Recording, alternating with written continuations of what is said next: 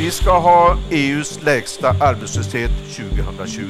Stefan Löfven lovade att Sverige skulle ha lägst arbetslöshet i EU. Vänner, detta kan verka lite modigt. Nu, sju år senare, är vi fortfarande ett av de länder med högst andel arbetslösa. Rekordmånga är nu inskrivna som långtidsarbetslösa på Arbetsförmedlingen, det visar ny statistik. Men siffrorna är inte riktigt så mörka som de verkar. Sysselsättningen har ökat rejält, men det som har hänt är att arbetskraftsutbudet har ökat. På en kvart får du veta hur Sverige både kan ha EUs högsta sysselsättning och samtidigt många arbetslösa. Det är onsdag den 18 augusti. Jag heter Maria Jelmini och du lyssnar på Dagens Story från Svenska Dagbladet.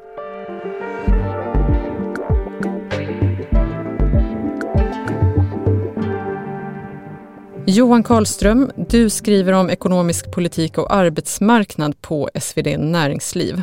Vad säger du, hur mår den svenska arbetsmarknaden just nu? Nej, men situationen på svensk arbetsmarknad är inte speciellt ljus för närvarande. Arbetslösheten har ökat mycket under coronapandemin.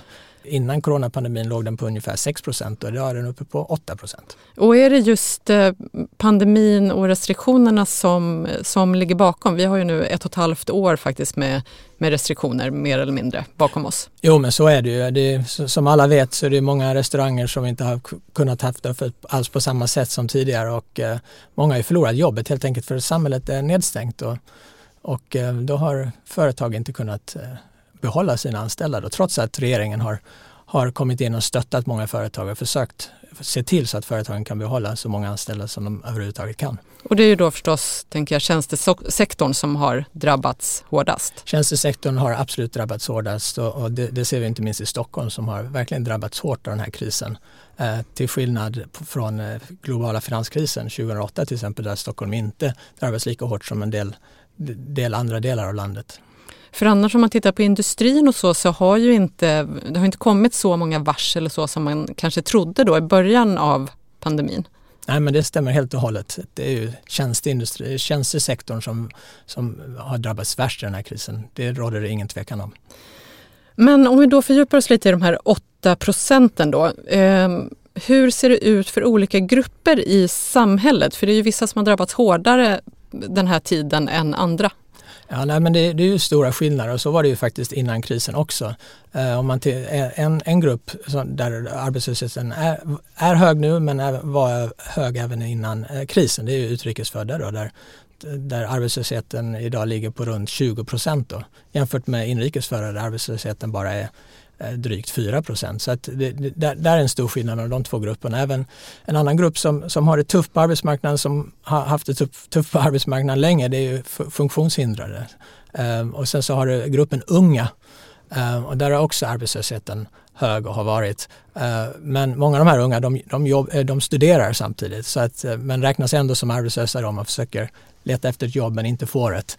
Uh, men, men den arbetslösheten är ju såklart inte heller bra men kanske inte lika allvarlig som, som eh, arbetslösheten i andra grupper. Då. Målet är att Sverige inom sex år ska öka antalet människor som arbetar så mycket att vi har lägst arbetslöshet i EU. Det ska vara vårt mål. När Stefan Löfven fick makten 2014 var ett löfte att Sverige skulle ha EUs lägsta arbetslöshet 2020. Men målet nåddes inte. Idag är den svenska arbetslösheten högre än EU-snittet och bara Grekland, Italien och Spanien har fler arbetslösa än Sverige. I've been looking for a job for almost two years. I've not had a job for close to five years now. I'm 24 years old and I'm unemployed.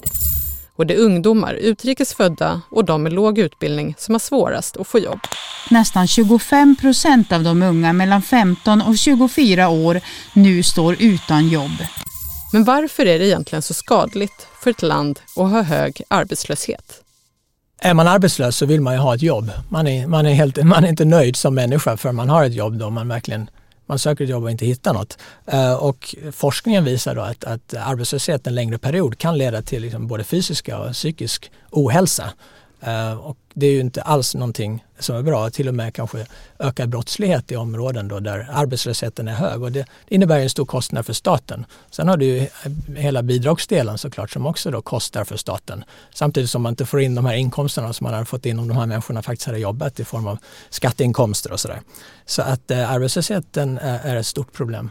Men så vad är det då som ligger bakom det här att arbetslösheten är så hög i Sverige? Sverige hör ju ändå till toppländerna när det gäller andel med högskoleutbildning till exempel. Det finns ju många anledningar här men, men en anledning kan, eh, kan vara att, att vi i Sverige har ganska eh, höga lägsta löner. Och det gör det då inte lönt, eller många företag tycker då, vill helt enkelt inte anställa folk som inte har tillräckligt med utbildning för de tycker inte de får tillräckligt mycket för pengarna. Ehm, så på så sätt då så det, finns det folk då utan, med, med, lägre utbildning som hamnar utanför arbetsmarknaden och blir arbetslösa. Eh, och det där problemet har, har, ju kanske blivit ännu större då med den, här, med den stora invandringen då, där många kommer in och kanske inte har rätt kvalifikationer och inte har språkkunskaper och så för att komma in i det svenska samhället. Och det tar då x antal år innan de kommer in på arbetsmarknaden. Under tiden är många av de här arbetslösa. Du har ju också precis skrivit en artikel som fördjupar sig lite i statistiken och det handlar ju dessutom om lite hur man mäter. Jo men det stämmer absolut. Eh, man räknas nämligen bara som arbetslös om man vill, vill arbeta och aktivt söker ett jobb. Men utan att man då lyckas, då, då, är man arbetslös. Och i Sverige är det väldigt många som vill arbeta och därför söker jobb men alla lyckas inte och då, det, det då pressar upp svensk arbetslöshet. Så vad hänger det här ihop med då skulle du säga, det här att så många vill arbeta i Sverige? Det finns, finns en mängd förklaringar till varför, varför det, det, är så. Och e, en är ju till exempel att vi har i Sverige en generös föräldraförsäkring. Vi har en utbyggd, eh, utbyggd förskola som är kraftigt subventionerad. Och sen så har ju pensionsåldern successivt höjts och eh, vi har ändrat lite systemet i hur vår pension eh, ser ut så att det lönar sig att jobba fler år. Ehm, och det är alla faktorer som, har, som driver på den här, det här som vi ser i Sverige, då, att många vill jobba. Men sen pratar man också då om eh, arbetslöshet, men man pratar också om sysselsättning som egentligen är, andra sidan av det här. Och där ser det inte riktigt lika mörkt ut då för Sverige i internationella sammanhang. Nej, där ser det betydligt ljusare ut faktiskt. Om man tittar på sysselsättningsstatistiken, den, den så kallade sysselsättningsgraden då, som mäter hur stor andel av befolkningen i arbetsför ålder jobbar, så ligger vi högst i EU. Sverige har alltså både hög arbetslöshet men också EUs högsta sysselsättningsgrad. Hur är det möjligt? För att räknas som arbetslös måste man inte bara vara utan jobb utan också aktivt leta efter arbete. Det som har hänt är att arbetskraftsutbudet har ökat. Så att det är många fler som söker sig ut på arbetsmarknaden än man gjort tidigare. Och första steget för att få ett arbete och bli sysselsatt är att man söker sig ut. Men när man räknar ut sysselsättningsgraden då räknas alla i arbetsför ålder med. Till exempel är Sverige det land i EU där både flest kvinnor och de över 55 jobbar, vilket är några skäl till att sysselsättningsgraden är hög. Så vilket av de två måtten är mest rättvisande? Ja, men det, det, det är svårt att säga, alltså, båda är viktiga. Arbetslösheten är ju, är ju eh, viktiga att titta på eftersom har du hög arbetslöshet så är det många som vill jobba men som inte kan jobba och därför inte är nöjda med, med sina liv. Medan så sysselsättningsmåttet är också viktigt eftersom har du en hög sysselsättning där det är många som arbetar, en stor andel befolkningen som arbetar, så innebär det eh, större inkomster till staten och är bra för eh, statsfinanserna.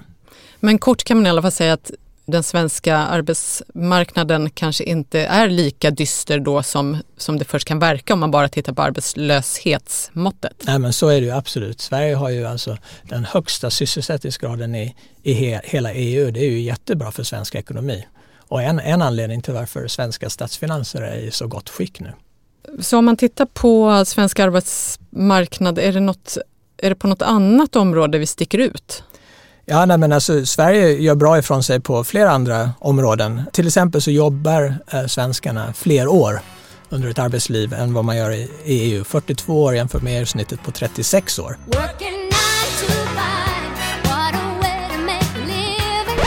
Uh, och uh, våra anställda är bättre utbildade.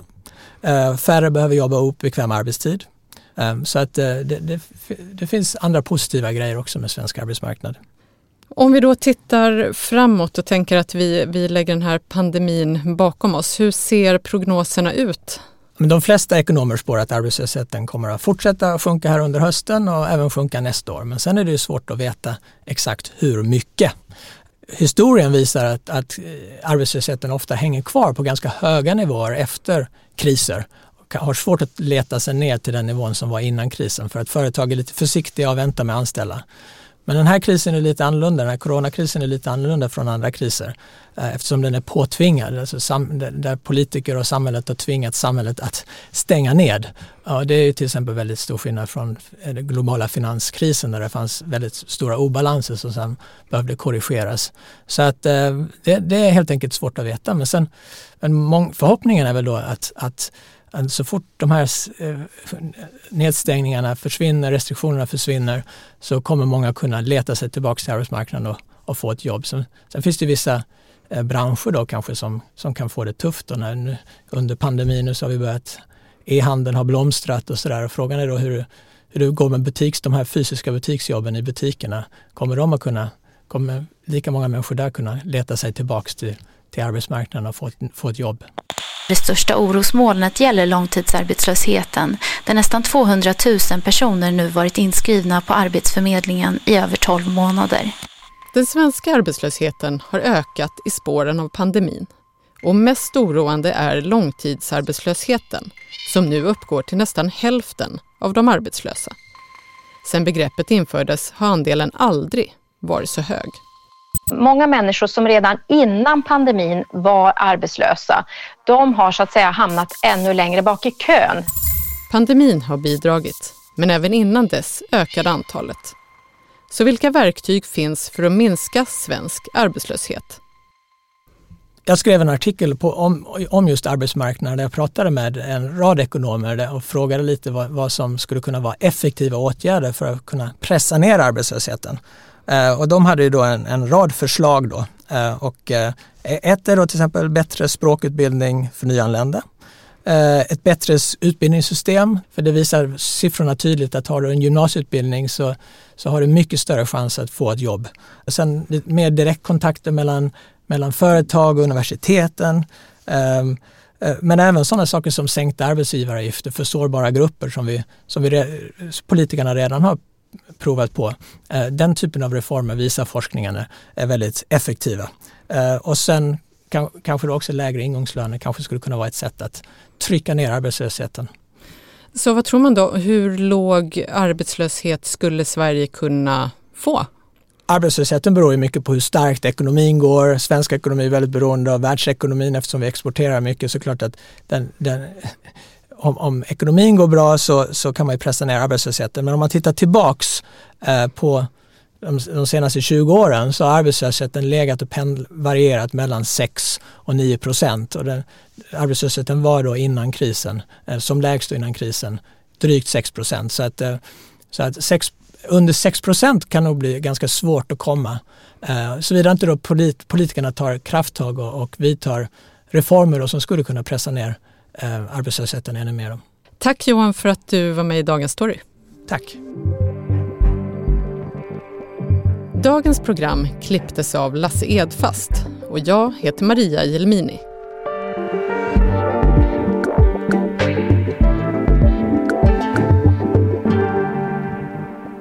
Du har lyssnat på Dagens Story från Svenska Dagbladet. Vill du kontakta oss så mejla till dagensstory svd.se.